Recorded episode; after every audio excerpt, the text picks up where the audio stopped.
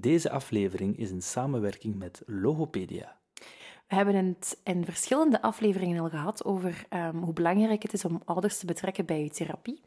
Ehm, en onderzoek toont ook aan dat ouderbegeleiding echt een meerwaarde betekent omwille van de verhoogde efficiëntie van de Mhm. logopedische therapie. Maar ik vind dat zelf ook super belangrijk, maar ik heb er eigenlijk nog geen tijd voor gevonden om dat buiten stotter dan helemaal uit te werken. Oké. Ehm, Maar dan heb ik goed nieuws Ja. voor u. Want MTRL, het, eh, het team achter Logopedia, lanceren een nieuw platform voor ouderbegeleiding. Oké. Wat een toeval. Ehm, je kunt er nu eigenlijk net de eerste modulen ontdekken rond ouderbegeleiding bij dyslexie. En de link daarnaar eh toe vinden terug in onze show notes. Oké, maar dus ik denk dat het gaat dat je eenmalig toegang koopt tot de module. En dan kan je er zoveel mogelijk, allee, zoveel als je wilt mee aan de slag.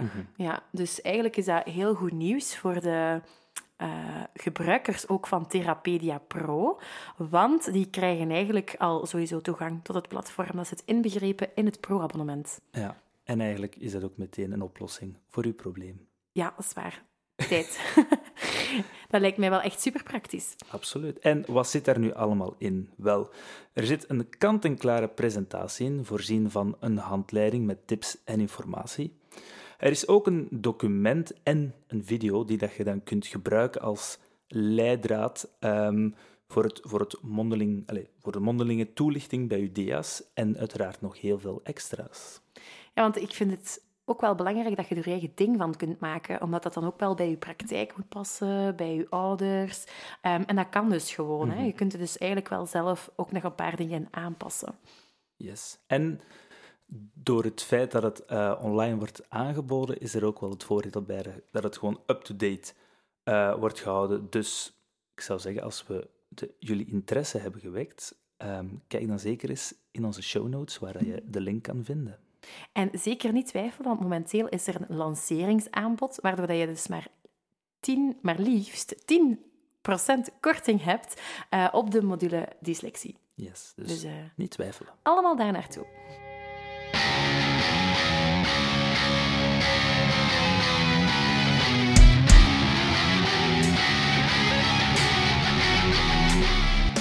Welkom bij Area 45, de podcast over logopedie. Ik ben Tom En ik ben Rachel. Samen hebben we het met onze gasten over topics die ons informeren.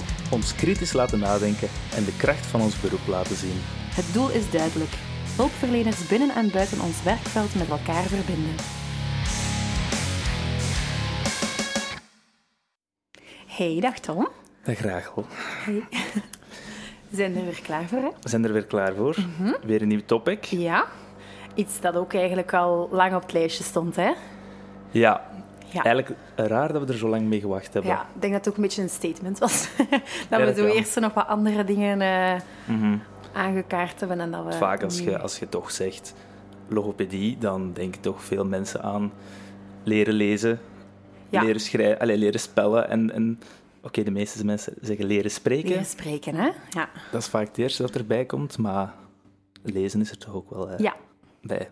Dus vandaag gaan we het hebben over dyslexie. Dyslexie. Ja, maar dan probeer... Ik denk dat we alle twee wel een beetje in ons hoofd hebben, en misschien ook wel alle drie in ons hoofd hebben, dat we wel wat ruimer willen dan gewoon, hè, wat doe je in de therapie, Mhm. en eh, hè, Ja. wel even... Maar wat zijn uw ervaringen ermee? Eh, ja, momenteel heb ik alleen nog... is lang maar- geleden toch, hè, voor u? Ja, bij mij is dat wel even geleden. Ik heb er nu nog maar een paar... ehm allee, momenteel eentje, denk ik, dat bij mij komt, die dat ook stottert. Dus Ah ja. als ze ook stotteren... allee, Als ze eerst met mij therapie gevolgd hebben voor stotteren en dan... Het is in het eerste leerjaar en, en, of tweede en het gaat moeilijk, dan eh, doe ik dat soms wel nog. Omdat het dan wel fijn is om zo een beetje dat ook wat te monitoren en zo. Ja, snap Ja. ik. Maar dus, En, ik heb dat ja. een tijdje wel heel vaak Ja, behandeld. Ja, zeker. Nee, ik niet. Jij niet. Het is, een- het is weer in de boeken gebleven. En, en tijdens stage bij u heb ik dat, dat wel gedaan. Hè? Ja, toen deed ik dat wel nog vaak. Maar ik vind dat zo moeilijk. Ja, Ik vind dat zo moeilijk. Je moet daar zoveel, in mijn ogen, echt ook een beetje engelengeduld ja, voor hebben. Maar vooral dat, ja... Ik kan, ik kan dat geduld dan niet opbrengen. Plus, ik vind dat ergens... Het achterliggende idee van een, van een doel aan te brengen in therapie, vind ik... Is voor mij heel... eh, heel moeilijk te plaatsen vaak. Eh, het achterliggende idee... Waarom dat je een doel aanbrengt in therapie, zit vaak wel een reden achter Ja, waarom dat je op een bepaald moment een doel aanbrengt. Uiteindelijk doe je dat bij stotteren ook. ja. Maar toch vind ik dat... Ja, krijg ik dat niet zo makkelijk... eh, of begrijp ik dat niet altijd goed. Waarom dat, waarom dat bepaalde dingen worden aangebracht op een bepaald moment. In de therapie voor lezen. Mhm. Ah. Of spellen. Of spellen, ja. Ja, ik vond sowieso begrijpend lezen altijd wel leuker om te doen in therapie dan, dan gewoon technisch lezen. Ja, nee, want ik, kon- ik dat als kind... Kon jij niet begrijpend Oh, lezen, Tom? oh. Dat was... Echt? Dat was een drama. Ja. Echt. Ik kan me echt niet herinneren dat ik daar ooit problemen mee gehad heb. Ja, ik Ja, wel. jij wel? Maar jij leest ook niet zo super graag. Allee, jawel. Nu zo dingen dat Nu wel, echt interesseren. Ja, dat me echt interesseren. Maar als zo veel, gaver info uit een tekst halen... Ja. Ik denk gewoon dat ik er al vrij chaotisch aan begon. Ja. Ehm, niet gestructureerd. En dat het dan... eh, ja, dan... Ik verloor altijd heel veel tijd. Gewoon om er niet op een efficiënte manier aan te starten. Mhm. Denk ik. En dat is ook gebleken in de... Als ik ging studeren in Artevelde, Ah, dat ik er niet zo goed in was. Want Ja. de, de persoon die we vandaag te gast hebben, hebben heb ik nog eh, dikwijls op feedbackgesprek moeten komen, omdat mijn, eh, mijn examens niet, niet goed waren en eh, uitlegvragen van wat doe ik hier allemaal verkeerd. Effectief. Ga je het aankunnen? De confrontatie. Maar jij hebt, ook, jij hebt er ook al gehad, hè? ja, ja, ja, dat is waar. Ik heb hier ook al... Maar dat hebben we toen niet benoemd, hè, Tom? Dat was Christian van Lierde. Ja, dat was mijn... ik heb twee jaar examens ooit gehad. En, Ja. Ja, eentje per jaar. Ja, inderdaad. Goed. Goed, gaan we zijn er klaar voor? Naar de intro, voor Oké. de, de pure confrontatie. Ja. Bon. Onze gast van vandaag heeft opnieuw tonnen ervaring en bezit kennis van onschatbare waarde over een nog onbesproken onderwerp in deze podcast. Naast dyscalculie kon dyslexie uiteraard niet ontbreken. En wie beter om ons hierover meer te komen vertellen dan iemand die al 27 jaar doseert aan de Artevelde Hogeschool binnen het vak leerstoornissen, volop onderzoek doet en auteur is van meerdere testen. Graag verwelkomen wij Christel van Vrekken. Hallo. Jawel, hallo. Hallo. Welkom. Dankjewel. Hey. Ja, je weet dat niet meer, hè? Nee, ik wist dat Van de feedbackgesprekken, nee. Nee, dat is, eh, dat is helemaal verdwenen uit mijn geheugen. Snap ik. Ja, Dat bij jou stilaan ook verdwijnt. ja, ja, ja, tuurlijk. Maar ik weet, ik weet wel nog, als we zo eh, over het uitnodigen van gasten en uw naam werd genoemd, dacht ik, oh ja, daar eh, heb ik nog, nog bijgezeten voor eh, feedbackgesprekken. Maar ja, je bent er geraakt, Het is goed gekomen, hè? Het is, het is goed Zeker goed gekomen. gekomen. En het feit zelfs dat je deze, eh, deze uitdaging aangaat. hè. Ja, absoluut. Ik heb er mijn eh, conclusies uitgetrokken dat ik er niet mee, eh, mee verder ging. Ja, maar ja, nee, Ik heb- misschien niet in uw, in uw, ja, in uw job op dit moment en in de praktijk, maar, maar wel, eh, je hebt er wel nog interesse in, hè? Om uit te nodigen en om, Om uit te nodigen, ja, Ja. voilà, tuurlijk. om veel vragen op te helderen en een antwoord op te krijgen. Ja, voilà. Goed. Ehm, wij beginnen eigenlijk altijd met hoe ziet jouw doorsnee week eruit? Omdat we dat wel fijn vinden om een beetje een beeld te hebben van oké, ja, iedereen heeft zo wel een beetje een andere weekindeling. En ehm, hoe is dat bij jou? Een doorsneeweek is eigenlijk, die bestaat niet, ik zal het zo zeggen. Eh, elke week ziet er anders uit. Eh, wat staat er deze week op het programma? Deze morgen hebben wij opleidingsvergadering gehad. Eh, hebben wij, heb ik overlegd met een collega om een studiedag voor te bereiden. Heb ik nog les deze week. We werken samen, we is Annemie de Soet en ik werken samen aan een project. Vrijdag werken we daaraan. Eh, wat staat er nog op de agenda? Bachelorproeven, stukjes bachelorproeven nalezen. Ja. Dat is zo deze Ja. week. Maar die zijn nooit gelijk Ja. omdat wij dus geen vast uurrooster hebben, geen vaste lesblokken hebben, wisselt dat nogal eens. Hè. Ja. En vind je dat fijn? Ja, eigenlijk is dat wel fijn. Ja. Want elke week is anders. Ehm, mijn job is zeer gevarieerd en ik blijf bijleren. Dat vind ik eigenlijk het leukste aan mijn job. Ja. Ik zeg dikwijls, ik leer elke dag bij en dat vind ik fijn. Ja. Dus, eh, Ja. zelfs over begrijpend lezen en over lezen leer ik nog elke dag bij, bij wijze van spreken. Dat is fijn. Ja, ik denk dat daar nog heel veel over eh bij Ja. te leren valt. Ja. Ja. Daar is het laatste nog niet over gezegd. Hè? Denk het. Ehm, hoe, wacht, hè. Nee, ik wou eigenlijk iets anders vragen. Eh, is het dan omdat je je job als docent uh, combineert met dan onderzoek en al die dingen, dat dat dan zo gevarieerd is? Of, of hoe maakt dat juist dat het zo... Eigenlijk wel. Ik geef les, maar ik doe ook praktijkgericht onderzoek. Geen fundamenteel onderzoek, maar praktijkgericht onderzoek. En daarnaast geef ik ook heel wat vormingen. Dus die combinatie ah, van die drie maakt dat mhm. je eigenlijk heel veel variatie hebt. En binnen mijn lesopdracht zit zowel lesgeven, hoorcolleges als practica, ja. als ook uh, nog begeleiding van studenten uh, binnen adviseren en trainen, als evenzeer ook bachelorproefbegeleiding. Dus dat maakt dat dat heel gevarieerd is. Dus, uh, ja, ja. oké. Je doet al 27 jaar, hè? Dus, uh... Ja, inderdaad. Dat was even een confrontatie. Dat was een confrontatie. Doen dan, ik zag het aan uw reactie. Dat was dan oké. Maar ja, plots, als je daar zo bij stilstaat, ja. dat tikt aan. Ja, kijk, ik heb dat opgezocht. LinkedIn zei tegen mij uh, ja. van 95. Van 95, dus ja. 27 jaar. Hè? Dat was ik drie jaar. ik was er nog niet. nee, inderdaad. Maar kijk. Goed. En... Um, je bent voornamelijk bezig met dyslexie, hè, dus bij, met, ook met begrijpend lezen en met spelling. En hoe komt dat eigenlijk dat je daar met ja, die richting uitgegaan bent? Dat is een stukje... bestaat toeval? Dat weet ik niet, maar het is een stukje toeval. Mhm. Toen ik begon te werken in de opleiding, uh, was er een collega en die gaf hoorcolleges en zij wou die, zij wou die loslaten. Mhm. En zij zocht een vervanger daarvoor en ik ben daarin gestapt. Ik ben eigenlijk begonnen met dementie geven. Dus uh, hoe gek het ook is. Oh, wow. Op basis van mijn uh, thesis toen nog, mijn masterthesis en mijn bachelorproef toenmalig. Uh, en zo ben ik daarin gerold. En eigenlijk, ik heb er mijn plezier in gevonden en op die manier. En waar heb je gestudeerd? Want ze hebben dat nu eigenlijk ook niet... Ik heb in Artevelde Hogeschool gestudeerd, maar toenmalige HIPB was dat toen nog dat was toen uh, een kleinere hogeschool. ja, ja. Dat was het HIPB, het Hoger Instituut voor Paramedische Beroepen. Dan zijn we gefusioneerd naar KHOG en dan zijn we gefusioneerd naar Artevelde Hogeschool. En daarna heb ik mijn master gedaan aan, in Leuven. Ah, en daarnaast heb ik ook nog mijn aggregaat, toenmalige aggregaat gedaan in Gent. Gent. Dus, uh, dat is een doctoraat nu? Nee, nee, nee, nee, nee, dat was om les te geven. Ah, uh, de, de, educatieve master heet dat nu, maar toen heette, heette dat aggregaat. Dus, Oké.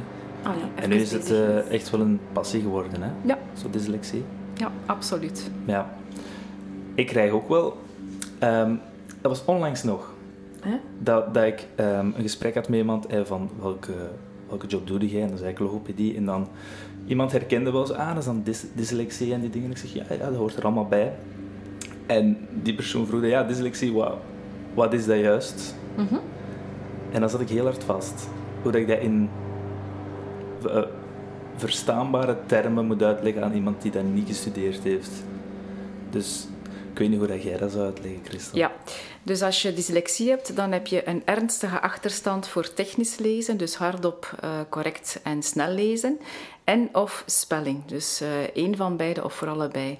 En die achterstand is zo groot dat je bij de zwakste 10% van je normgroep scoort. Uh, bovendien ja. is het zo dat je die zwakke scores op tests behoudt, ondanks intensieve systematische remediëring uh, binnen een bepaalde periode van toch wel een zestal maanden. En die remediëring is ook niet zomaar een losse extra oefening. Dat is echt gefundeerd op basis van analyse van foutenclassificaties enzovoort. Hè. Ja. En op basis van de juiste instructies, de juiste feedback. En er is bovendien geen verklaring voor deze lage scores. Zo kan je eigenlijk dyslexie omschrijven. Okay. Geen onderliggende verklaring. Er is geen onderliggende verklaring ja. voor. Comorbiditeit kan wel voorkomen. Ja. Dus de dyslexie kan samen voorkomen met dyscalculie, met ADHD, DCD ook. Uh, maar is, er is geen verklaring voor te vinden. Soms zijn er signalen, uh, maar soms zijn die er ook niet. Maar soms zijn er signalen die je met terugwerkende kracht zou zien, maar dat mhm. is niet noodzakelijk zo. Nee. En de term dysorthografie, wordt dat eigenlijk nu nog vaak gebruikt? Of dat staat in de, de, criteria voor de limitatieve lijst, mhm. maar op zich bestaat die term niet. Mhm. We spreken van dyslexie voor ernstige lees- en of spellingachterstand. Ja. Maar daar blijft die term dus ergens nog altijd leven. Maar op zich wordt die niet meer gebruikt. Door, uh... Maar vroeger vonden ze dat dan belangrijk dat dat wel een beetje gescheiden was. Ja, dus in merendeel van de gevallen hebben de personen uh, lees- en spellingproblemen, maar je kan uh, zowel leesproblemen alleen hebben als spellingproblemen alleen. Dus dat kan wel. Ah, ja, uh, we hebben eens een onderzoekje gedaan bij een zestigtal kinderen. Mm -hmm. En van die zestigtal waren er denk ik uh, maar een aantal die geen spellingproblemen hadden. En als ik het me nu goed herinner, denk ik dat er drie à vier waren. Dus een beperkt aantal procenten. ehm, die dus, ja, die dus geen, eh, geen spellingproblemen hadden, die leeftijdsadequaat spelden, ondanks ernstige achterstand op vlak van technisch lezen. Oké. Dus, ja. En hoe zou je dat kunnen verklaren dat dat vaak samen voorkomt? Goh, eigenlijk doe je een beroep op dezelfde processen. Hè. Dus je moet auditieve taal omzetten in geschreven taal, geschreven taal omzetten in auditieve taal. Of in mondelinge taal. Dus eh, je maakt gebruik van dezelfde processen op die manier. Ze zijn een stuk verwant, maar lezen is op zich makkelijker dan spelling. Want lezen is een stukje passief, staat er al geschreven, je kan terugkijken, terwijl dat je bij spelling dat eigenlijk het auditieve, de auditieve informatie verdwenen is als je op basis van horen moet gaan spellen wat er geschreven staat. Ja. Ja. Oké. Dus er is een stuk overlap, maar het zijn wel andere zaken ook. Maar op hersenniveau zal daar waarschijnlijk wel een verklaring voor te vinden zijn, of voor de, de oorzaak van het ontwikkelen van dyslexie of zo. Eh, er zijn, dat zijn onderzoeken, maar ik kan, die ga, ik- ga ik niet zo in detail toelichten ook.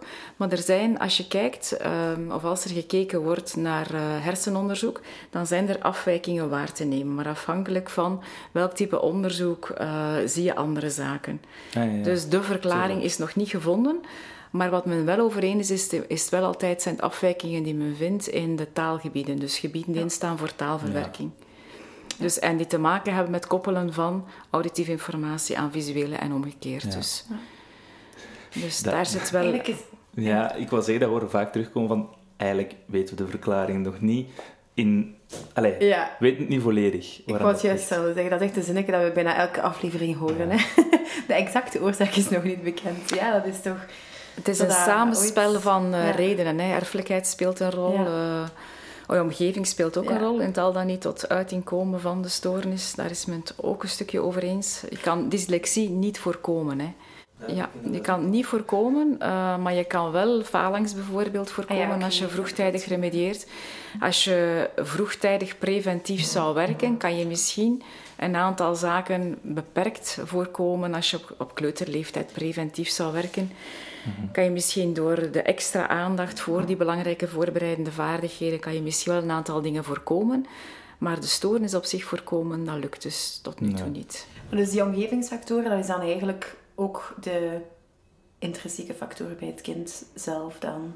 Bedoelt je ook... Die getriggerd worden. Ja. Um, omgevingsfactoren, dan bedoel ik eerder het aanbod. Stel dat jij opgroeit Ah ja, in een omgeving waar ze je vaak voorlezen van als je een jaar bent, bij wijze van spreken.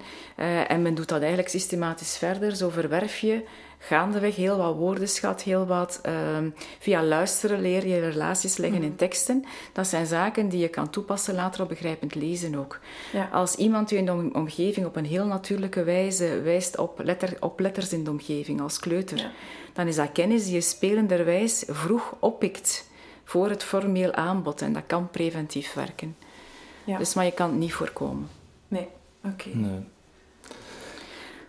Ja, want ehm, als ik dat nu zo zie bij mijn dochter bijvoorbeeld. Ik heb een dochter van vijf, in de derde kleuterklas en die heeft super veel interesse in letters, maar in cijfers niets. Hè. Niets. En dat is ook iets dat wel moeilijker ook gaat in de klas. Hè, dat ze dan ook zeggen van ja, maar allee, ik vind dat dat zo hard opvalt dat bij kinderen zoveel, dat daar zo'n voorkeur ook soms voor is van ja, die letters, dus daar echt zot van. En die, die zit ook zo de hele tijd te rijmen en, en te doen. Maar cijfers vindt ze Ja. niet zo tof. Ik kan me wel, kan me wel verstaan dat dat bij u extra opvalt. Ja, ja, ja, ja tuurlijk, ja. maar, ja. Zoekt een verklaring? Nee, nee, ja, nee, nee, nee, nee. Ja, ik weet dat Annemie de vorige keer ook gezegd had van, ehm, dat dat ook wel, allee, ook wel zo is bij kinderen die dat... ehm dat ze ook al gezien hebben bij kinderen die later dyscalculie, dat daarbij geconstateerd wordt dat die ook wel soms in de kleuterklas weinig interesse tonen. Maar ik ga nu helemaal geen, geen diagnose gaan vaststellen. Maar, Misschien eh, eh, wordt in de klas het, eh, het, het omgaan met letters en het voorlezen spelender of leuker voorgesteld. ja, Het kan aan een, toevals, aan een toevalsfactor liggen. Hè. Ik bedoel, kan zeker. eh, misschien heeft een letter door een bepaald iets daar getriggerd en, heel, en die cijfers door toeval helemaal niet. Of wordt er misschien minder gewerkt in de kleuterklas aan cijfers en aan letters. Er wordt ook zo vaak gezegd, ah ja, je naam leren schrijven. En vanuit daaruit is daar interesse ook gewoon zo Voilà. gekomen. Maar je gaat niet, ah ja, hoe, hoe oud ben jij? En dat dan gaan opschrijven. Dat wordt minder gedaan dan zo de naam. En dan allee, wou ze per se haar naam volledig kunnen schrijven. En, Tenzij dat je een verjaardagskaart zou maken Ja. voor iemand en de leeftijd er laat opschrijven. Ik bedoel, Ja, ja, ja. dan wordt dat plots functioneel en Ja. betekenisvol en kan die interesse wel komen. Want ik weet wel, als ik vroeger zo... Ik had meer interesse in cijfers, omdat wij vroeger heel veel voetbalden op school. En Ja. dan ging het wel over Voilà. 1-1, 2-1. Oh. Voilà. Ja. Voilà. Dus het gaat Komt nu binnen. Ah, Nu denk ik eraan. het gaat dikwijls Met zo'n over, eh, over heel functionele Ja. speelse dingen. Ja, dat is tof, hè. Ah, wel, en ook zo dobbelsteen en, en dat, dat doet ze wel, maar ja. Ja.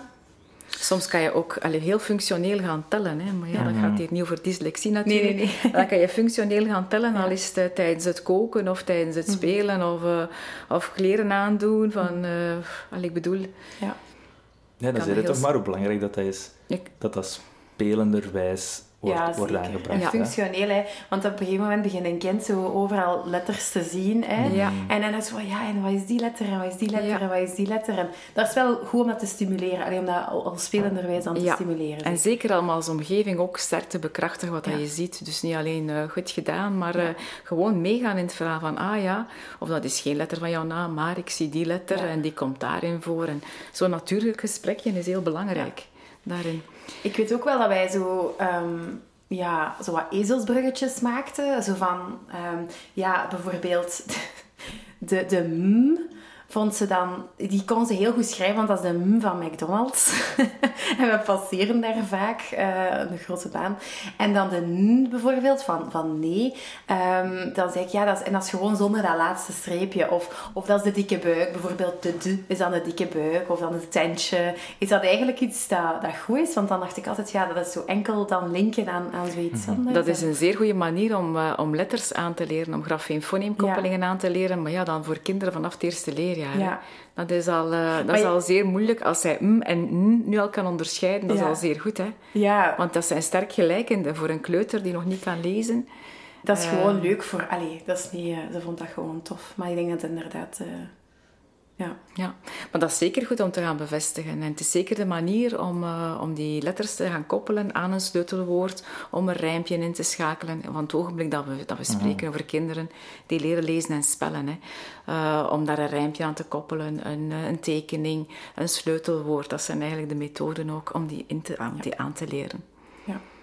En dan zit het wel eigenlijk hoe belangrijk, omdat jij nu, nu zei dat je niet direct, niet direct zegt van nee, dat is niet, maar dat je daar mee in interactie Ja, gaat, is toch wel enorm belangrijk, omdat je anders zo die intrinsieke beleving beperkt het toch enorm Ja, als je daar slecht op Ook reageert. als kleuters afkomen met iets dat ze geschreven hebben. Ik denk Ja. dat je misschien die voorbeelden uit de, uit de les nog herinnert. Zo van heel onleesbare boodschappen. Als je die dan afdoet als...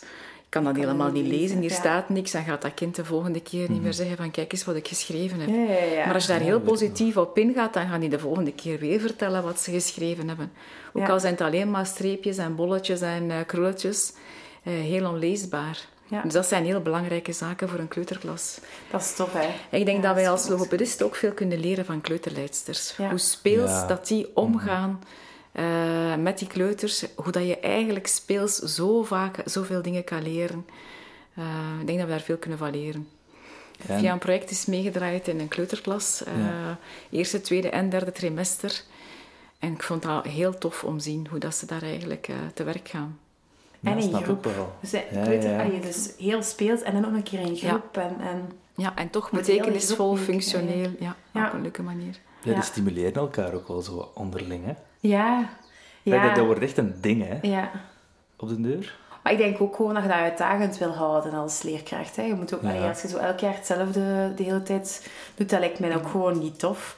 Maar bijvoorbeeld onlangs eh, op de kleuterklas, waar ik vaak kom, dan is dat zo over de post. De postbode. En dan een kaartje versturen naar iemand. En dat is ook zo... Dan denk ik van, ja, dat is ook weer al de, de, de functie van, van taal, van geschreven taal gaan duidelijk maken. Maar ja, kijk, als je dat op een kaartje schrijft en je geeft dat af of dat, dat komt bij iemand toe, dan kun jij Dat zijn Ja, heel leuke thema's en heel dankbare Ja. thema's. Maar Ja. er zijn er nog veel hoor, die ze in de kleuterklasse Ja. gebruiken. Het ging wel over de postbode en de struisvogel. Geen idee wat de link was. Ik had ik je moeten vragen. De struisvogel. Ja. Wat komt hij doen in het Geen verhaal? idee. Misschien was het naar aanleiding van een voorleesverhaal, wie weet. Misschien Denk komt hij de post stelen. Ja, kan. Gelijk bij Dora, hè. Het ook. Zwieber. Zwieber. Nee, struisvogel niet. Ja, ik weet het niet, ja. Bescherm je post. Ik Geen idee. Ja, en toen een keer moeten uitzoeken.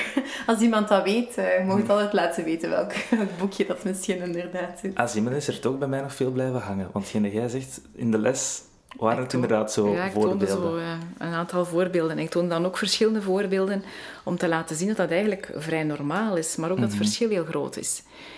En dan de kinderen die in een kleuterklas, eindkleuterklas, alleen maar krabbeltjes maken en nog geen enkele letter kennen, dat is eigenlijk een alarmsignaal. Ja. Zo zijn er een aantal alarmsignalen voor de collega's die in eh, onderwijs zouden werken, die ze best wel in toog houden.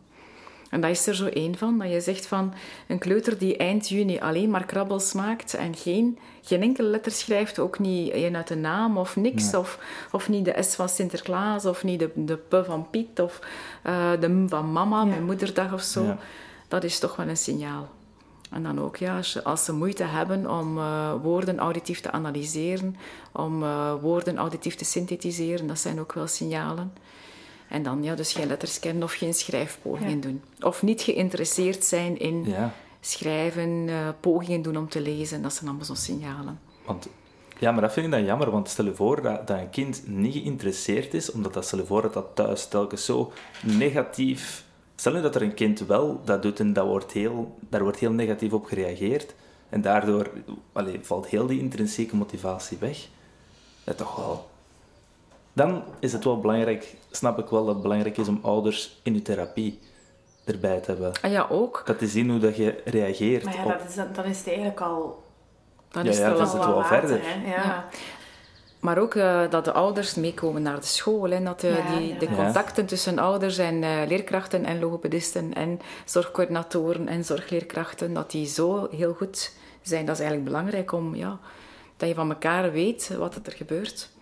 Want uiteindelijk, ehm, als ouder zie je niet altijd wat erachter zit ook. Eh, wat, bet- allee, wat de betekenissen zijn van veel zaken. Of weet je ook niet altijd wat belang ervan is. Dus ik heb geen enkele ouder ontmoet ooit die, eh, die zei van eh, het interesseert mij niet of ik vind het niet belangrijk. Ehm, dus de meesten vinden het wel belangrijk. En zeker als je er expliciete aandacht op vestigt van waarom het zo belangrijk is om hun kinderen te stimuleren. Op een natuurlijke, speelse manier. Voilà. Want ouders mogen ook hun kinderen, eh, mogen ook geen druk leggen op hun kinderen. Dat heb ik wel gezien. Ik denk Ja. niet bij u, maar op een ander thuis dat een kind wel al veel kon, maar dat dat dan extra dat is ook... gepusht werd van we gaan de volgende doelen. Ja. Dat hij bijna namen van, van dino's moest gaan, maar echt de Latijnse namen, moest gaan, moest gaan schrijven. En ik denk van ja, Ah, schrijven. ja ik meen het. Maar die, was ook- die kon wel al heel veel, maar als je daar dan nog eens extra Ik denk dat heel veel ouders, ik zie dat dan bijvoorbeeld ook bij, bij familieleden of zo, dat die niet goed weten wat moet hun kind wanneer ongeveer kunnen. Dat die echt Mhm. denken van, ja, die moeten dat wel kunnen, of die moeten dat wel kunnen. Bijvoorbeeld, we moeten dan zo prentjes meegeven in de derde kleuterklas, prentjes die beginnen met een B, bijvoorbeeld. Hè. Van, oké, moet mijn kind dat hier allemaal al zelf kunnen weten, of moet ik die daarbij helpen? En, en ik denk dat soms ouders dat echt niet weten, wat dat je kunt verwachten van je kind. Ik denk dat communicatie belangrijk is. Hè? Communicatie tussen ouders, logopedist, ouders en leerkrachten. Dat, dat je gewoon zegt van dit is de verwachting. Want het is niet de bedoeling dat kleuters leren lezen en schrijven in een derde kleuterklas. Nee. Het is de bedoeling dat ze, ze, dat ze op een speelse manier eh, die zaken leren kennen. Dat ze in contact komen met eh, geschreven taal. Ja. Op een heel leuke manier. Dat ze al luister, leesplezier ervaren Ja. in de kleuterklas. Zodat het leesplezier Ja. hopelijk blijft in de lagere school. En hopelijk secundair onderwijs enzovoort. Inderdaad. Klopt. Mhm. En naar zo prevalentie toe, is dat iets dat, dat je overheen de jaren, want je zit al lang in het vak, zie veranderen? Of blijft dat toch wel zo wat... Ik denk dat dat niet stijgt. Ik denk dat het aantal eh, personen met dyslexie niet stijgt. Eh, de detectie is veel vroeger dan zoveel Ja. jaren geleden. Eh, de begeleiding is veel, veel beter dan vroeger. Dus daardoor is er misschien soms het vermoeden dat het aantal personen met dyslexie Ja. stijgt, maar dat is niet zo. Eh, toen ik student was, werd er alleen maar aandacht besteed aan kinderen van de lagere school. Gelukkig besteedt men ook heel veel aandacht aan jongeren met dyslexie. en niet alleen jongeren, maar ook dus studenten. En niet alleen studenten, maar ook volwassenen. Die op de werkvloer de nodige ondersteuning kunnen gebruiken. Dus, ja, zal wel. Dus vandaar het aantal stijgt niet, maar ik denk dat de perceptie misschien anders is. Mhm. Ja, eigenlijk volwassenen, daar wordt dan heel weinig, nog misschien te weinig over, over gesproken, of dat zie je gewoon minder voorkomen. Maar heb jij zo ehm, mensen gezien die dat je als kind zag en dan zag je dat die doorgroeiden als volwassenen en wat dat die eigenlijk... Allee, of om mijn vraag duidelijk te maken, welke tools bieden aan als kind dat zij, waar dat zij op latere leeftijd uh, in, als volwassenen nog, nog iets mee zijn? Ik denk, als je nu zegt van een jong kind komt op eh, therapie voor lezen spellen, dan moet er eerst ingezet worden op remediëren. Dus uh, echt therapie geven, zaken aanleren en zien hoe, dat daar, hoe dat de mhm. zaken opgenomen worden. Worden die letters, uh, wordt die letterkennis opgenomen? Worden die spellingregels geautomatiseerd of niet? Maar dan denk ik, als je een tijd geremedieerd hebt op basis van de juiste methodes, uh, voldoende frequent, voldoende uh, van, van goede kwaliteit, dan denk ik dat je na een tijd als dat kind eind lagere school gaat, dat je moet gaan inzetten op compenseren. Ja. Om compenserende software te gebruiken. Want dat kan je werkelijk helpen wel als je studeert in het secundair onderwijs en zeker ook in het hoger onderwijs. En die compenserende software kan je later in je job ook helpen als je die nodig hebt. Ja. ja. Dus dat is zoiets, denk ik, dat wel eh, bijblijft. Ehm, iets anders is ook als je ziet van uh, evolutie van kind naar volwassene, dat het belangrijk is dat je goed zelfbeeld ontwikkelt. Dat je mm. weet van ik ben misschien wel geen sterke lezer of geen sterke speller, maar ik heb andere talenten en ik kan daarop teren ook. Uh, want dat zelfbeeld is toch iets wat je later uh, ook, ja, het zelfbeeld is belangrijk, ja, later in je leven als volwassene. Ja, vraag me af, is dat iets dat vaak wordt ik zal dan Rachel aan u vragen. Is dat jij vaak ging betrekken in je therapie rond dat zelfbeeld? Ik heb daar eh, heel toevallig vorige week nog een eh, gesprek over gehad met mijn collega. Ik, uh, ik, had net drie dagen opleiding gedaan rond sociaal-cognitieve gedragstherapie in functie van een onderzoek voor stotteren. Ehm, en ik, ik was zo tegen mijn collega bezig. Ik zeg van, eigenlijk vind ik dat niet oké dat wij zo voor stotteren zitten wij enorm altijd zo bezig met met ja, de psycho-educatie en met alles daar rond. En waarom doen we dat niet voor kinderen die dat bijvoorbeeld dyscalculie of dyslexie hebben? Of allee, bij ons in de praktijk. Hè? Waarom doen we dat niet genoeg? Uh, allee, ik vond dat zo iets dat... Um, je kunt daar verschillende redenen voor verzinnen. Waarom dat we dat misschien nog niet echt een prioriteit van gemaakt hebben.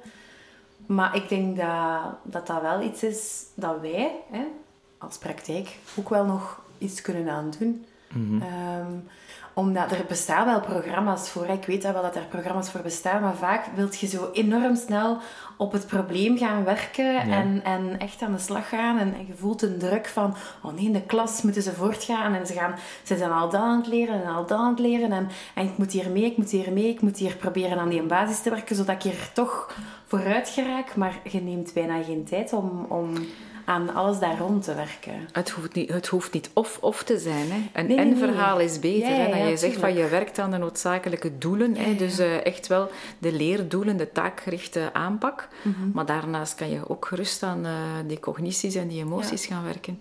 Ja, dan waren we zo... de omgeving zeker ook betrekken. Ja, ja. maar dat is wat we wel... Bij ons zitten de ouders er altijd bij. Dus dat is iets wat we wel belangrijk vinden. Om, dat zij dan ook tools hebben om dan thuis ook te gaan toepassen.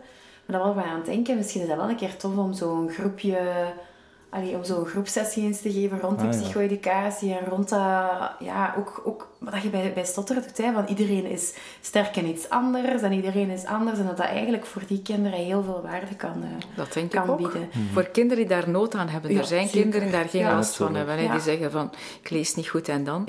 Maar er zijn kinderen die daar echt wel onder lijden ook. Ja. En jongeren ook. Dus, ja, ik weet dat we destijds iemand tijdens de stage had ik wel iemand bij u waar er wel zo wat phalanx rond uh, ontwikkeld werd. Hè? Ja, inderdaad. En dan, dan maken we daar wel tijd voor, maar je blijft... Ik ja, maar heb, ik, ik komt er ook niet veel druk dan, bij? Dan bij stotteren. Ja, ik, bij stotteren heb ik altijd zoiets van, kijk, dat is mijn... Je zit niet op een eilandje te werken, maar je zit wel zo'n beetje los van school te werken. En mhm. je hebt school nodig voor wat informatie, maar Maar vanaf als je bij die leerstoornissen zit, voelt je zo eigenlijk de hele tijd die druk van, van, dat, van, van, ja, van die snelheid op school. Zo, hè? Ja, en, ja, en dat vind ik zelf lastig, omdat je je moet altijd blijven kijken naar, oké, wat heeft dat kind nodig? En, en ik probeer het altijd zowel wat een beetje los te laten, wat ze op school aan het doen waren, maar, maar toch voelde onbewust die, en misschien ook wel bewust, die, die, die spanning van, van dat mhm. tempo. Nochtans is het belangrijk om op, uh, op maat van het kind te werken. Hè? Want het is een volledige misvatting om op niveau van de klas te gaan werken. want allee, als de basis niet verworven is, dan kan je niet verder. Dus dat heeft geen enkele zin. Nee. Dus uh, ik denk dat het erop aankomt dan om dat goed uit te leggen aan de ouders. Waarom? Aan de ouders aan het kind. Waarom het dat zo belangrijk is om op die basis te werken en ook aan de leerkrachten. Ja, zeker. En dan is het natuurlijk ook belangrijk dat je je doelen onderhandelt met je kinderen en met uh, de ouders ook. Hè. Dat je duidelijk maakt van, ik vind dit belangrijk, maar wat denk jij erover? Uh, dat is, ook, dat is ook de reden waarom dat de ouders erbij zitten. Hè? Om het echt te kunnen. Want vaak nee, vroeger, hè, helemaal in het begin, voordat ik mijn eigen praktijk had, kwamen, we dan ouders en die zeiden, ja, ze zijn dan toen in de klas, en werk daar eens op. Want, hè. En dan zei ik wel, ja, ga, lijkt mij niet zo'n goed idee, want we zijn daar nog mee bezig en dat heb je nodig om dat te kunnen doen. En dan begrepen die dat niet. En vanaf als je die erbij hebt in de therapie, kun je dat echt heel duidelijk uitleggen. En ook van, ja, en dan komen ze er zelf vaak mee af van, oei, ga in de klas zijn ze dat aan het doen. Maar ja, dat gaat nog niet lukken zeker, want we zijn nog met dat bezig. Ik denk dat je aan ouders dan ook kan zeggen, als je leert fietsen, dan leer je ook fietsen met een kleine fiets. En niet onmiddellijk van een grote fiets, of niet onmiddellijk zonder steunwielen. Dat doe je ook stapsgewijs. Het geleidelijkheidsprincipe is niet toevallig een van die didactische principes. Hè. Het is een van de basisprincipes uh, voor alle therapieën. Dus zeker voor leertherapie. Ja. En het is dan heel mooi als dan ouders dat zelf ook tegen de leerkrachten gaan vertellen. Zo. Ja, maar ga, daar zijn wij nog niet mee bezig bij de logopedie. Ja, maar dan, dan is het wel mooi dat het zo een project wordt van meerdere. Want anders denk ik dat je zo als logopedist zeker op een eilandje zit van ik moet het hier oplossen. En dat kan niet de bedoeling zijn. Nee. Dat werkt ook niet. Allee, nee. dus, uh, die samenwerking is zo belangrijk. Hè? Die afstemming, die samenwerking, het begrip dat het kind nodig heeft, ook van de leerkracht, van de omgeving. Ja. Uh, Zeker. Ja, en ook, ik denk wel, op dat vlak hebben we wel ook nog wat, nog wat werk om, om de leerkrachten weten, beginnen dat stilletjes aan wel meer en meer te weten, hè, wat dat onze functie dan is. Um, maar toch krijg je wel nog altijd de vraag van, wilt je daar een keer op werken? En ze kunnen het vragen, maar dan is het aan ons om te zeggen dat het niet gaat. Als je verwijst naar het leerplan, dan zie je genoeg dat dat opgebouwd is. Het leerplan is heel algemeen ook wel. Het is misschien te weinig specifiek. Maar als je dan kijkt van uh, wat kan dit kind uh, voor welke lerenhouden, voor welke moeilijkheidsgraden van woorden en kijk de staanbod van de klas, dan zie je de kloof wel. Ja. Waar dat probleem zit als schadevoorspelling dan toch. Ja, ja, want lezen, dat, dat valt mij dan ook zo op. Dat, dat dan, in het begin wordt daar, ja, is daar echt een mooie opbouw. En dan in ene keer valt dat zo stil. En lezen ze eigenlijk bijna niet meer ja, in de klas, behalve zo begrijpend lezen. En dan, dan wordt daar zo technisch lezen wel heel weinig gedaan. Ik weet nu niet van buiten welke leerjaren dat, dat zo wel stilvalt, maar ik merk dat de leerkrachten dan zo zeggen, ah ja, eigenlijk zijn we niet zoveel meer aan het lezen in de klas of zo, boekjes, maar dan zo heel technisch wordt dan op een gegeven moment ook niet meer gedaan. Maar er wordt weer meer ingezet op lezen. Hè. Dus uh, door het feit dat de leesmotivatie van onze leerlingen zo achteruit gaat als we mhm. kijken naar internationale rankings. En ook als, begrijp, als we kijken naar begrijpend leesvaardigheden. Dus er wordt meer ingezet terug uh, op lezen in de klassen. Dus kwartierlezen wordt weer ingeburgerd. Uh, Leesmotivatie, dus vrij lezen. Boeken lezen, dus maar echt vrij lezen. Mhm. dus oefening telt dan, denk ik. Eens dat je de techniek kan, uh, dan moet je het gewoon automatiseren. Dus dan is het... Maar zo die speciale woorden, zo die vreemde woorden en zo, dat is toch ook iets dat je eigenlijk echt moet inoefenen. Zo... Authenticiteit komt dus plots in mijn hoofd. Zo van die dingen. Ja. Uh... Dan moet je toch ook wel wat oefenen. Want als je dat... Ah, zo. Maar ja... ja. Maar heb je het dan over therapie of over de klas? Nee, in de klas bedoel ik. In de klas. Ja. Ja, in therapie sowieso. Maar... Die leerstof komt wel systematisch aan bod ook. Ja. Ik denk als, je, als, dat woorden zijn dat je wel in functionele context meer leert kennen, dat dat er ook wel makkelijker in mm. komt. Door het gewoon te lezen zou het me niet veel zeggen. Het is pas vanaf als iemand het tegen mij gebruikt en ik kan het wel in de context plaatsen, dat dat ook in mijn vocabulaire Of, komt. of door thema's misschien uit Wero dan ook. Ah, dat je ja. zegt Ja. van zo'n eh, zo'n begrippen zullen denk ik ook in Wero aan bod komen. Ja. Mhm. Zeg, je zei net de, de internationale rangschikking, waar, eh, waar staan we? Eh, we stonden altijd zeer goed. Eh, we stonden vroeger in de top 10 voor begrijpend lezen, maar we zijn aan talen. Ik denk dat we... Ik durf de plaats niet meer zeggen. Ik denk dat we op 10 stonden nu. Maar we zijn aan dalen. Dus, en het is jaar, allee, per meting dalen we. Vandaar dat dus de Vlaamse overheid echt wel inzet op beter begrijpend lezen. Hmm. Dus, Hoe eh, staat er eerst? Zou dat komen eigenlijk? hoe dat, dat zou Ja. komen? Doordat er eh, minder leestijd eh, besteed wordt in de klassen. Dat is een stuk Ja. van de verklaring. Doordat onze kinderen niet zo, onze Vlaamse kinderen niet zo graag lezen. Dus er wordt echt ingezet, de Vlaamse overheid over- eh, investeert vrij veel geld nu in projecten die het lezen, begrijpend lezen ondersteunen. Dus eh, we zijn zelf betrokken bij één project eh, Mhm. waarin dat we scholen coachen op vlak van begrijpend lezen. Ah ja, Dus eh, oké. ja. En wat wordt er dan zo al gedaan? Dat is een tweejarig traject waarin dat we een twintigtal scholen eh, coachen. eh, en waarin dat we met team aan de slag gaan. Dus dat- waarin dat we met, hen- met hun materiaal aan de slag gaan. Waarin dat we reflecteren, wat doen jullie? Ja. Eh, wat kan er anders? Eh, wij geven die theorieën die de Vlor Review eh weerschrijft, geven wij ook. En we checken die, die theorieën op... eh, allee, we toetsen die af aan de praktijk van die scholen ook. En gaan dan samen nadenken hoe het anders en ook beter kan. Dat is eigenlijk in een notendop uitgelegd wat we- dat we daar doen. ja, ik vroeg nog, welk land staat er eerst? Het Oei, ik weet het niet. benieuwd. Anders had ik kunnen zeggen, we kunnen leren van de landen die... Had je dat nu vooraf gevraagd, de Scandinavische landen, ik, Finland stond vroeger vrij van boven. Had je dat gevraagd, ik had daar naar gekeken. Ja, ik wist zelfs niet dat er een internationale rangschikking PISA, de. PISA-resultaten, daar wordt regelmatig naar verwezen. Maar het is een tijdje geleden dat ik echt naar die grafieken Ja. gekeken heb en het is weg. Ik heb het lang, zou het lang, lang kunnen Ja. vertellen hebben, maar het is weg nu. Ja, nee, oké. De Scandinavische landen, Finland stond lang bovenaan. Ehm, Maar die, doen dat toch vaak op meerdere dingen wel. ja, Qua, qua schoolse ja, ik zou het eigenlijk niet meer weten. Het waren verrassingen bij, ik weet het niet meer. Nee. Ja, oké. Maar wel fijn dat er iets aan gedaan wordt dan. Absoluut. Het is, het is eh, het is nodig, zeer goed hè? dat het... eh, ja, absoluut. En uiteindelijk, als, ik vind als je vanaf als je begint te werken, merk je pas hoe belangrijk dat dat is. Dat lezen is. En, ja, en begrijpend lezen. Oh, ja. Gewoon info uit een tekst kunnen halen. Maar als student ook. Hè. Ja, ja, ja. Als student krijg je heel veel nieuwe materie eh, die je zelfs, moet verwerken. Ja, zelfs dan was dat voor mij echt... Ik weet, ik weet dat ik veel meer moeite moest doen om te kunnen leren, omdat ik gewoon... Ja, ik kon dat niet zo gestructureerd. Dus Mm. Inderdaad, structuur aanbieden ehm, aan kinderen die bij u in therapie komen, is toch ook wel... Dat is een van de zaken. Hè. Je doelen, je doelen duidelijk voorop stellen. Ja, je doelen bepalen. Ik heb het hier even... eh, ik zal even Googleman spelen. Hè. Ja. Zeer goed. Ehm, dus er zijn tien landen die hoger scoren. Ik heb wel niet de eerste gevonden. Ik ga ze niet even verder zoeken. Dus vijf Aziatische toplanden. Welke staat er niet bij? Estland, Canada, Finland, Ierland en Polen. Dus Finland inderdaad. En Polen dacht ik ook. En ik denk dat Korea hoog staat. Korea, ja, ja. Dat Denk is ik. ook wel een speciaal Denk ik, regime zijn ehm, dat daar wordt gehanteerd. Zelfs, ik ga een keer verder zoeken. Maar het feit is wel dat wij jaren eh, eigenlijk zeer sterk waren, maar dat we nu, dat nu aan het talen is. Dus vandaar laten we ons hopen dat binnen dit en zoveel ja tijd... toch wel gek dat er plots een voor Leesmotivatie. komt. Ja, oké. Maar Ja, leesmotivatie wordt dat- toch vanuit de omgeving en zo komt dat toch intrinsiek binnen. Het is zo speciaal dat dat zo landgebonden is. Ah, Ik vind dat zo... Of cultuurgebonden, ja. Dat, eh, Ja, dat wij dat dan precies normaler vinden, dat, dat onze kinderen minder lezen dan, dan in andere landen.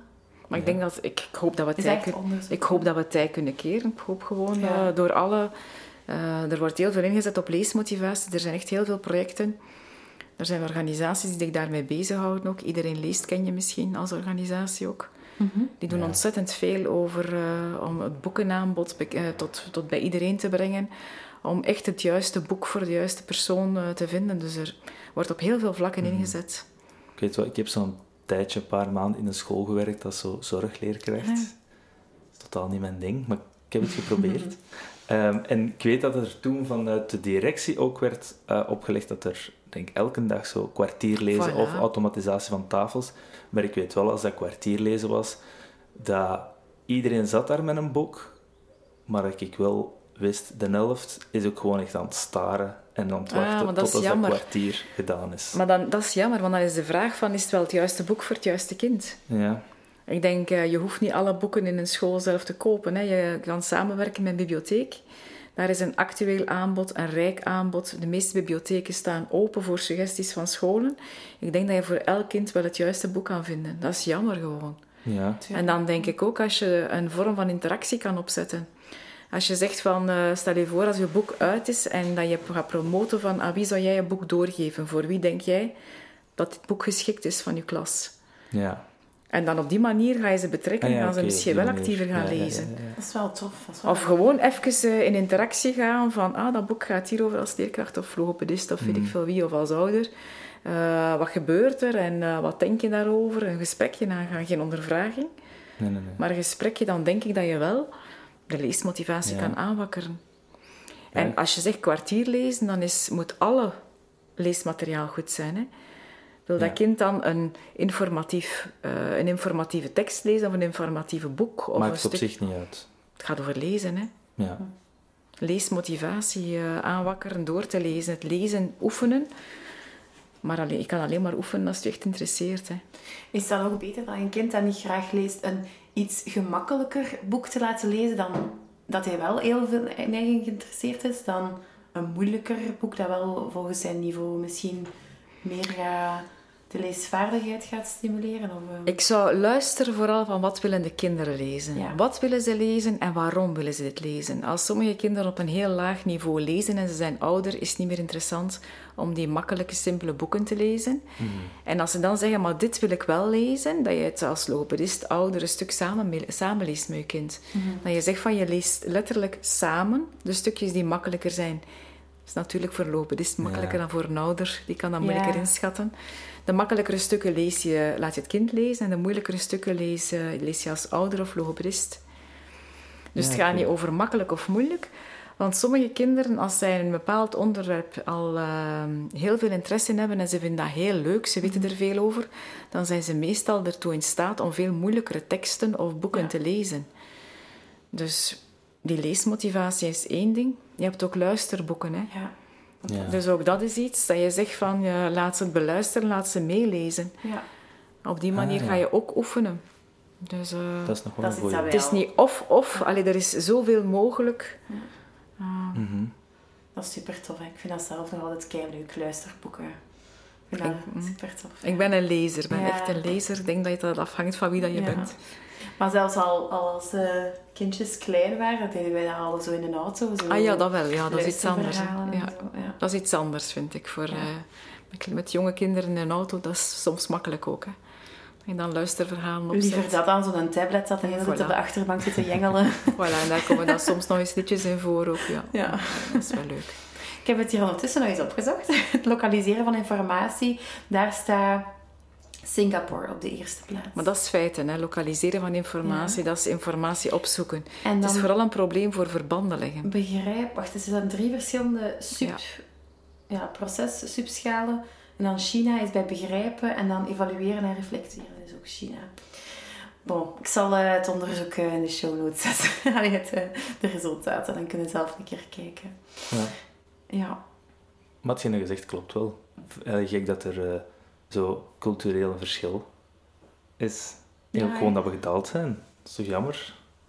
ja. Het goed deden. Het zal ons wel lukken om terug te steken. Ik denk het ook. Als we dat nu allemaal uh, gezamenlijk beginnen. Uh, ik denk dat ook. Naar te kijken. Ik denk dat die imago van lezen terug naar boven moet. En dat kan je alleen maar doen door, uh, door er positief mee om te gaan. Ja, er zijn zoveel leuke dingen dat je zo kunt Absoluut. doen. De Biep organiseert ook zoveel van die toffe dingen, zo voorleesmomenten. En, en ja, heel mm -hmm. tof dat vind ik ook wel iets positiefs, dat dat eigenlijk allemaal niet veel geld kost. Zo naar de biep gaan, allee, veel mensen zeggen, allee, ik kan, ja, wij kunnen ons niet permitteren om, om een boek te kopen, maar je moet helemaal geen boek kopen. In de biep zijn zoveel leuke boeken en je kunt superveel boeken lenen voor ja, niks van geld. ja. Mhm. Of geen geld hebt. Alleen meestal geen geld. Ah, nee, ja, als je het op tijd binnenbrengt. zijn er bij ons eigenlijk nu in de, in de opleiding logopedie, zijn er waarschijnlijk ook meer en meer studenten met, met dyslexie dan? Die dat weet ik eigenlijk niet. Op zich weten wij dat niet. Want vroeger werd daar wel op, alleen heel vroeger, werd, zouden zogezegd opleidingen mogen starten. Maar uh, wij gaan geen studenten weigeren, hè? dat doen we nee, niet. Nee, nee. Dus we gaan geen studenten weigeren. Studenten uh, die soms op een infodag uh, zeggen van ik heb dyslexie en ik wil echt logopedist worden. Dan gaan we al in, in gesprek en dan zeggen we al van uh, als jij trager leest, maar geen leesfouten maakt, op zich is dat geen probleem. Hè? Dan ga je geen dan, ga je, gaat de therapie niet verstoord geraken door het feit dat jij zelf dyslexie hebt. -hmm. Maar als je de leesfouten niet zou opmerken in je therapie, dat is wel een probleem. Of als je zelf spellingfouten maakt of je ziet de spellingfouten van het kind niet, dat is wel een probleem. Dus, allez. Dat wel, ja. Dat wel. Dus, maar op zich weten we dat niet, als studenten dat niet zeggen. Zij kunnen faciliteiten ja, okay. aanvragen, maar we ah, weten als lesgever niet waarom dat iemand faciliteiten Zo. heeft. Ah, dat is privacy, okay. hè. Ja. Dus ik zou, niet, ik zou het niet weten. Dat kan, uh, je, je, kan faciliteiten krijgen om medische redenen. Ja, natuurlijk. Om, uh, omdat je dyscalculie hebt, omdat je ADHD hebt, omdat je dyslexie hebt. Mm -hmm. Maar... Wel, dat mij dat wel handiger lijkt als je dat met je docenten... Zeker als je dat dan gaat studeren, dat daar wel over open kan gesproken worden. Wat eigenlijk ook wel belangrijk is. Hè? Maar je zou sowieso geen faciliteiten krijgen voor spellingproblemen, wat dat logisch, hè? logisch is, omdat het interfereert ja. met je beroep later. Mm -hmm. Ja, ja, het hangt er ook vanaf welke kant dat je wilt uitgaan. Maar ja, je moet natuurlijk... Je, wordt, allez, je bent afgestudeerd als logopedist, dus je moet alle kanten kunnen uitgaan. Hè? Ja. Je kan werken met kinderen ja. met leesspellingproblemen. Hè? Dus uh, er is geen, uh, geen nota op je diploma van uh, deze persoon mag dit niet doen. Dus. Nee. Mm -hmm. Maar eigenlijk, ja, het lijkt me wel belangrijk dat dat ook wel iets is waar er open over kan gesproken worden. Ik denk dat we daar heel open in zijn als kandidaatstudenten met die vraag komen. Ja, dan, maar ik bedoel, zo naar later toe, hè, pak nu sollicitatiegesprekken of zo. Ik weet niet of dat, hoe dat, dat daar zit. Worden daar nog op, uh, wordt daar nog vaak op afgestraft? Het feit dat mensen zeggen dat ze dyslexie hebben, of ik weet niet mm, of dat ik Ik denk dat dat afhangt zeker van de job die je doet. Uh, mm -hmm. Ik heb al, alleen, uh, Annemie zal daar meer kunnen over vertellen. Um, zij heeft vorig jaar een project, aan een project gewerkt. Inclusie in 4D. En daar hadden zij gesprekken met mensen die solliciteerden ook en jongvolwassenen. En er zijn veel mensen die dat verzwijgen gewoon, dat ze dyslexie hebben. Zo, als het er niet uitkomt in ja. uh, de selectieprocedure. Um, mm. Omdat ze denken, ja, we krijgen daardoor misschien minder kansen. Dat is wel iets... Allez, is dat nu iets dat iedereen zegt van dit komt voor? Of, uh, of is dat, zijn dat sommige mensen? Dat weet ik ook niet. Hè. Mm. Maar ik herinner me één verhaal van iemand... Uh, die zei van, ja, ik vertel dat gewoon niet. Ja. ja, ik snap het ook wel als dat niet aan bod komt in je. Het is wel zo dat de perceptie van spellingproblemen, uh, ja, dat dat nog altijd niet zo positief is. Hè, als je werkwoordspellingfouten maakt. Ja, ja, ja. dat vooral, hè? Direct, ja. Zo, maar ook gewoon als iemand u een mailtje stuurt, dan staan er van die kemels van fouten en dan denk je toch eigenlijk. Ik weet dat, dat, is, dat is wel met maar je begint zo direct daar een beeld van te vormen van die persoon. Terwijl je weet het ook niet. Hè? Maar, nee. maar langs de andere kant denk ik, ja, als je dan weet dat het moeilijk gaat voor je, kun je er ook wel met trucjes ja, mm. iets aan doen. Maar langs de andere kant, allee, wij zijn dan op vlak van vloeiendheid, toch? Allee, ik denk, begrijp je waar, welke kant dat ik wil opgaan? Ja, ik ben wij vinden dan dat, wij, dat, dat mensen die stotteren geen trucjes moeten gebruiken om het andere mensen makkelijker te maken. En mm. allee, om het dan, alleen maar als ze het zichzelf makkelijker willen maken. Hè? Ik weet wel. En, en we verwachten dat dan wel voor mensen met spellingsproblemen. Allee, de boodschap komt maar te hoog. ik denk dat niemand uh, erover valt als je een onthoudwoord verkeerd schrijft. Als je woord dat weinig nee. voorkomt, als je daar fouten tegen schrijft, daar zal niet, niet rap iemand... Uh, allee, de specialisten zullen het zien, maar die zullen er zich niet nee, aan storen. Maar van die regelfouten, uh, ja. fouten tegen regelwoorden in openbare ah, communicatie... Ik, ik, ken, uh, ik ken wel een vriendin en, en dan zat hij op Tinder bijvoorbeeld. het is van, ja, uh, als ze met dt-fouten schrijven, is dat automatisch dat is uh, gedaan. Dat is een onderzoek geweest hè, vorig jaar in, uh, de in uh, Artevelde Hogeschool in bedrijfsmanagement of ik weet niet welke opleiding, een van die opleidingen heeft men daar onderzoek naar gedaan. maar dat is toch eigenlijk... Allee, ik snap dat ook wel, want mijn eerste gevoel zou ook zo zijn, maar langs de andere kant denk ik, ja, maar wie weet heeft die persoon een dyslexie, dan is dat toch ook niet... Dat, dat wil Ja. toch niet zeggen dat dat geen Klopt. sympathieke mens is, of dat dat Nee. geen, geen verstandige Nee, persoon nee, is nee, zo. eh, dus, nee, allee, ik denk dat dat daar is dan niet- toch eigenlijk toch erg. Want als iemand die stottert, dan hebben wij dan zoveel... Allee, daar, dan, vind je dan, dan moet je dan verwachten van de mensen om daar dan heel veel begrip voor te hebben en, en Ja, maar dat zie je niet op geduld en, en wat blijft? Dat zie je niet op Tinder. Ja, nee, maar ja, maar dat, dat neemt niet... Allee, daar wordt automatisch door heel veel mensen ik weet iets het, verstandelijk waarom? aan gekoppeld. Waarom? Want we, we- allee, we willen zo hard het, het beeld van dat dat bij andere mogelijke stoornissen dat dat niet gekoppeld wordt aan, aan intelligentie. Bijvoorbeeld, ik ga weer zeggen stotteren, dat dat dan niet is bij mensen die minder verstandig zijn. Ja, maar wij. Maar ik weet het, maar...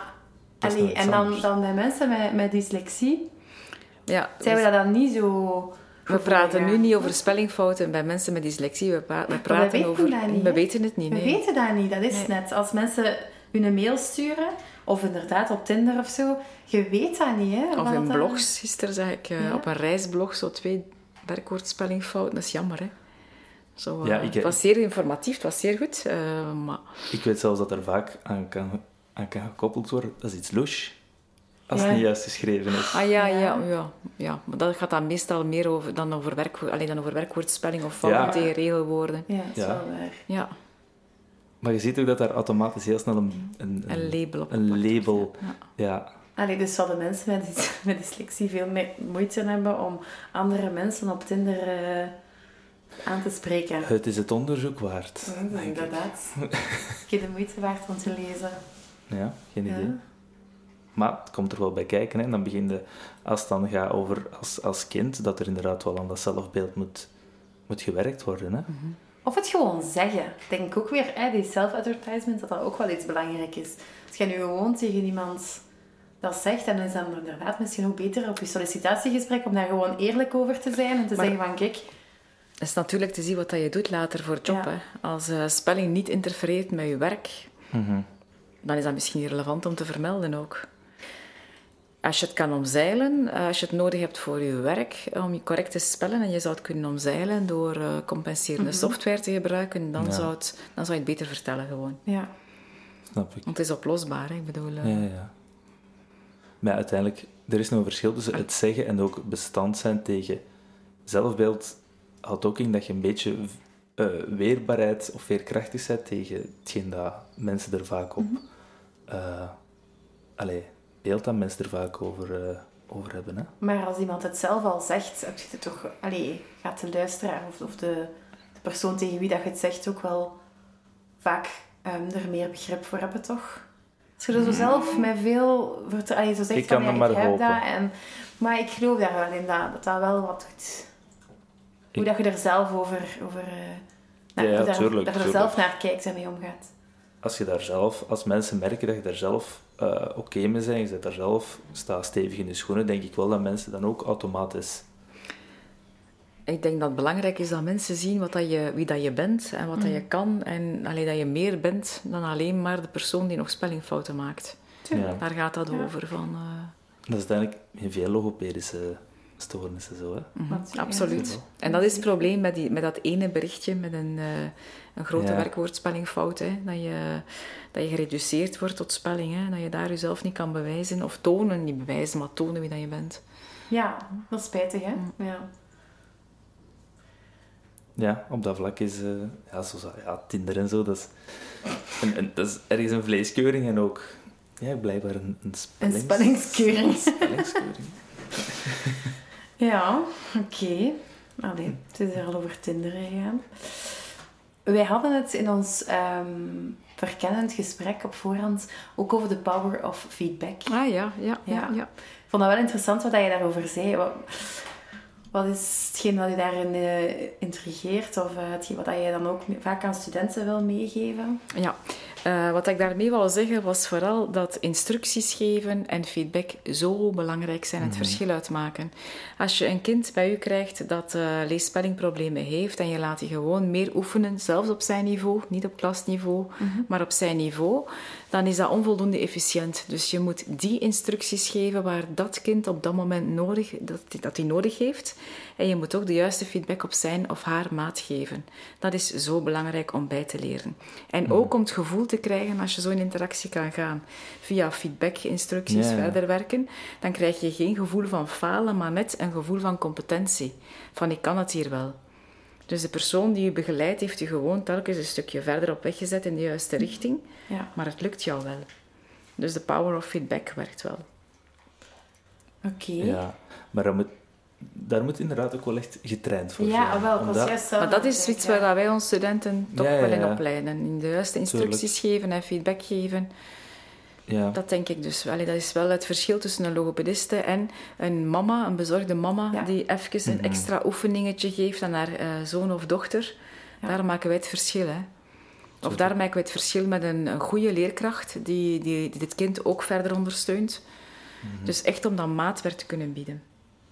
ja, maar ik denk ook, er- ervaring doet daar ook veel in. Hè? Ervaring ook, maar... Want als, eh, als student, en pak nu, ik weet als ik op stage ging, dat ik dat ook nog niet direct Ah, nee, in de vingers had. niet. Hoe reageren daarop? En Natuurlijk niet, maar Vooral- je moet het leren. En Ja, eh, wat dat wij tegen studenten zeggen is van de enige fout die je kan maken is niet in interactie gaan.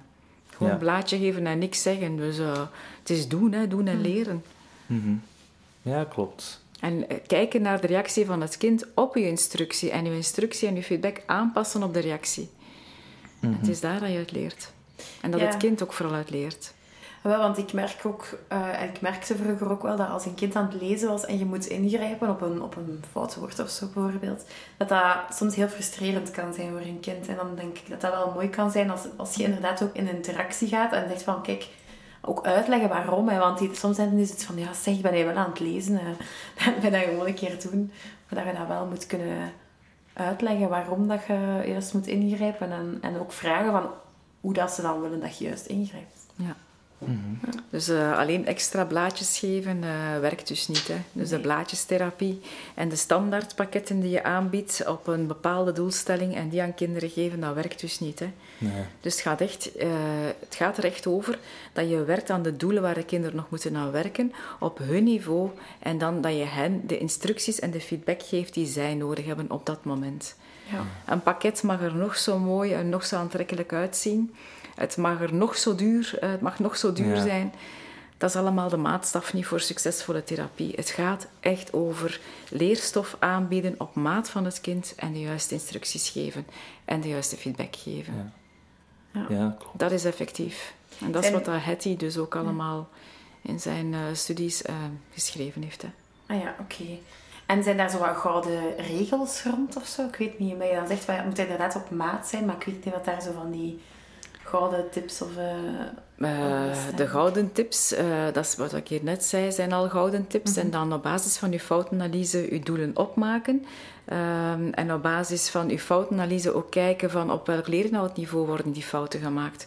Zijn het fouten als het gaat over spelling op niveau van één-lettergrepige woorden, twee-lettergrepige, één-lettergrepige, drie foneemwoorden of vier foneemwoorden.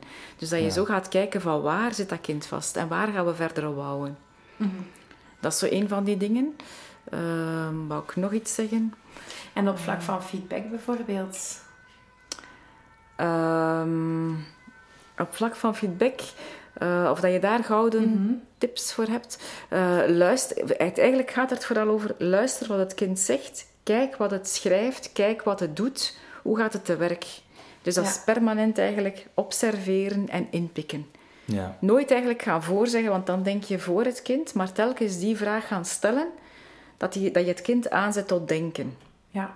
En dan krijgt hij echt een gevoel van competentie, want uiteindelijk lukt het. Hè? Ja. Ja. Hij of zij doet het zelf en kan het ook zelf. Het is Krijg wel ook met meer je- die succeservaring. Voilà. Maar het is wel met je hulp, maar op duur, dat is de zelfinstructietraining die je gaat toepassen. Dus als je zodanig telkens eh, met je kind in interactie gaat, op een duur zit je stem bijna in zijn of haar hoofd. Ja, hè. klopt. En dan gaat hij op een duur zelf beginnen nadenken van, nou ja, het is zo'n woord, ik moet... Mhm. En dan, dan realiseer je transfer ook. ja. Ja, ja. Ik denk dat dat wel niet zo gemakkelijk is bij bijvoorbeeld beginnende lezers of zo. Echt zo kinderen dat dan met dat begin zo heel moeilijk mee eh, op, st- allee, kunnen starten. En, en dat is ook altijd wel moeilijker om op die leeftijd daar echt zo over te babbelen. En, allee, Maar uh, als het gaat over lezen, dan ga je vooral lezen. Hè? En Mhm. als de fouten, die, uh, allee, als de woorden verkeerd gelezen worden, kan je ze achteraf uitpikken, nog een keer. Mhm. En kan je ze gaan bespreken. Dat lukt dus wel. Ja. Dat, dat is juist aan maatwerk. Hè? Dat Mhm. je zegt van, je gaat je feedback aan een 12-jarige is anders dan, dan je feedback aan een 6-jarige Ja. of 7-jarige. En ik denk bij die beginnende dat het vooral belangrijk is om dat, dat plezier daarin Voilà. Ja, hè, dat is Voilà, dat vooral ook. Dat zij vooral ook gaan oefenen. En aan die ouders te zeggen van, ga samen met je kind lezen. Lees vooral nog voor ook. Ja. Tot zolang dat de kinderen zeggen van, het hoeft voor Ja. mij niet meer, ga voorlezen ook. En leg geen druk. Ja. Mhm. Dus eh, er zijn zoveel gouden regeltjes of kleinigheden die zo belangrijk zijn. Eh, het geheel aanmaakt eh, dat een therapie succesvol is of niet. Hè. Ja, ik, ik vind dat wel mooi dat je zegt dat het mag niet de bedoeling zijn dat, dat de stem van u als logopedist in het hoofd komt van dat kind, maar dat ze dat zelf... Dat ze het zelf doen. Hè. Dat, dat ze zelf, door... dat dat intern ze plots, proces ja, stimuleert. Dat is eigenlijk de bedoeling. Dat Ja. je ze stilaan dat je van een externe sturing brengt naar zelfsturing. Hè. Dat je ze, Mhm. Wat dat jij aanbrengt, dat je dat op duur zelf leren, dat moet ze automatiseren. Het klinkt simpel, Ja. maar Ja, het is dat een klinkt proces. simpel, want ik zie dat ook nog gewoon zo in de cursus staan en ik denk, oh ja, de, tuurlijk. Ja, ja. Maar dat is... Maar als je het praktijk doet- is als wel nog doet, anders. Dan, Maar het is dan komt er ook wel Ja. nog dat karakter van dat kind bij. En, en temperament en, en de Ja. motivatie. Dat je ook niet altijd... Allee, je kunt jij in je therapie wel zoveel mogelijk eh, je best doen om, om die, dat leesplezier te stimuleren. Maar als er op school een leerkracht is dat zo gefocust is op de fouten dat een kind maakt, dan zit er daar ook weer zoveel in... eh, ja, Een van de zaken dat misschien ook belangrijk is naar motivatie toe, is natuurlijk om die evolutie te benoemen. Dus dat je zegt van, weet je nog, toen dat je in het begin hier kwam, hè, toen lazen wij maar zo'n tekstjes, want hè, nu lees je al zo'n tekstjes. Goed, hè, we zijn al geëvolueerd. En dat je dat permanent of regelmatig doet, dat een kind telkens ziet van, kom vandaar, door mijn inspanningen in de klas, thuis, met mama, papa, met de logopedist, met de zorgjuf, ben ik daar al geraakt. Maar ik moet nog daar geraken. ja. Ik moet nog verder geraken. Ja. Ja, mooi. Wat, wat eh, vind jij nog, Christel, dat zo elke logopedist, of het zullen ook misschien leerkrachten zijn of ouders, zou moeten in het achterhoofd houden? Iets dat ze moeten weten. Ehm, iets wat ik misschien nog wou zeggen was, en wat dan misschien nog niet aan bod gekomen is, ehm, is dat een logopedist altijd moet verder kijken dan de aanmeldingsklacht. Dat is nu één ding nog Ja. wat ik nog wil zeggen. Eh, als een kind aangemeld wordt voor leesproblemen, onderzoek dan ook spelling, onderzoek dan ook begrijpend lezen. Of ga op zijn minst als die ouders zeggen, maar er is echt absoluut geen probleem voor begrijpend lezen. En de leerkracht bevestigt ook. Ga op zijn, minst, op zijn minst dan eens kort aftoetsen na hè, een leestekst, technisch lezen. Ja. Kort hè, daarachter eh, van heb je het begrepen of niet, of waar gaat het over. Ga zeker ook op zijn minst die leerlingvolgsysteemresultaten opvragen voor rekenen. Op zijn minst zie dat daar altijd A-zone is. Ja, dan moet je rekenen niet onderzoeken, maar vergeet het niet. Als er een probleem is met aanvankelijk lezen of spellen, ga naar die taal kijken. Eh, neem een uitgebreide intake af.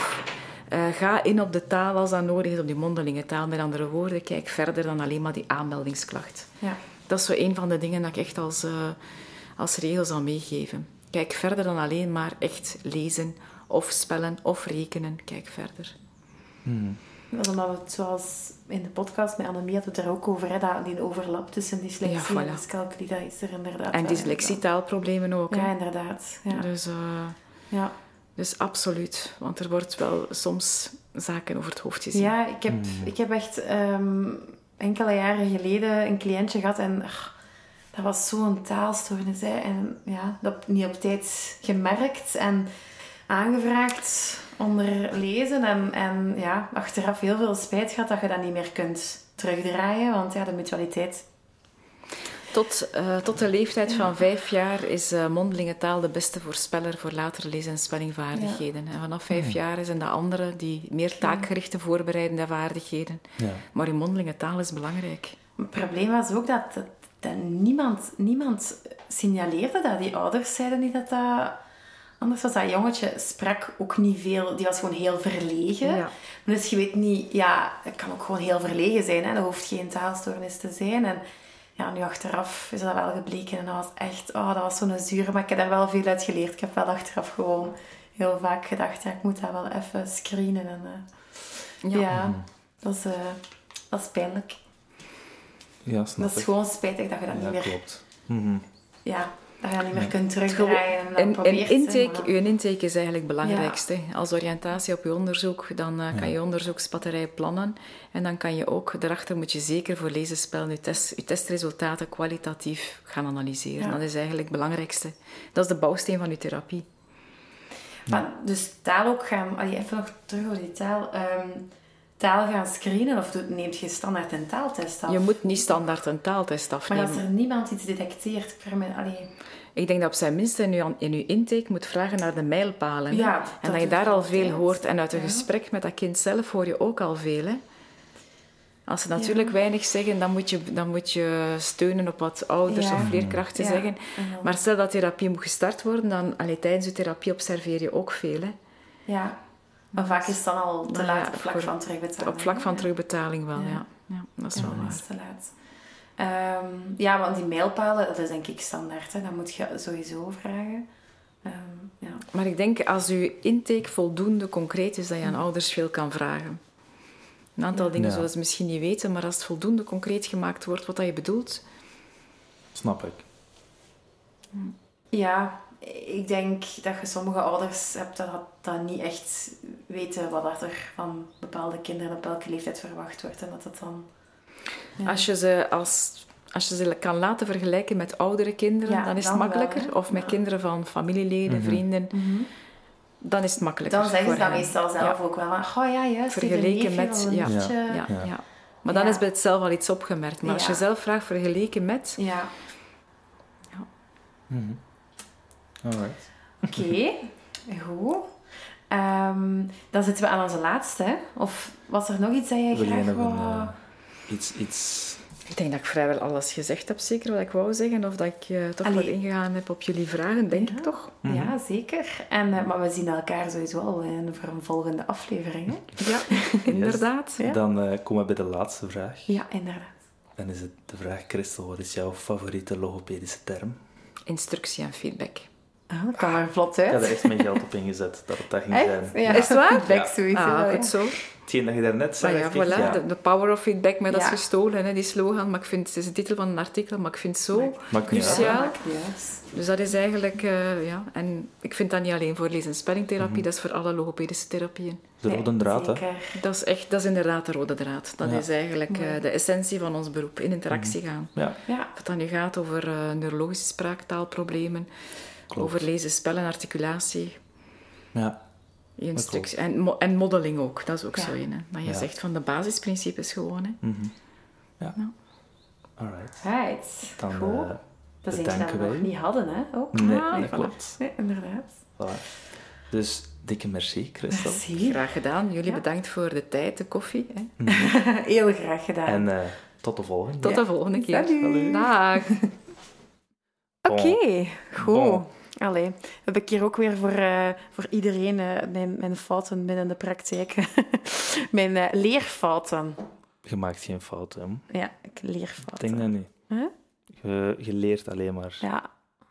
Maar ik vind dat niet erg, hè. Je weet dat ik dat niet erg vind. Ik vond, ik vond vooral, en dat heb ik net ook gezegd, hetgeen dat je in je cursus ziet, lijkt allemaal zo, ja, tuurlijk, logisch Ja, dat ja. dat zo is. ja, dat is. Maar gelijk dat jij zei, in therapie komt er nog zoveel meer bij kijken. En hetgeen wat ik en, allee, helemaal in het begin zei, is ge- geduld.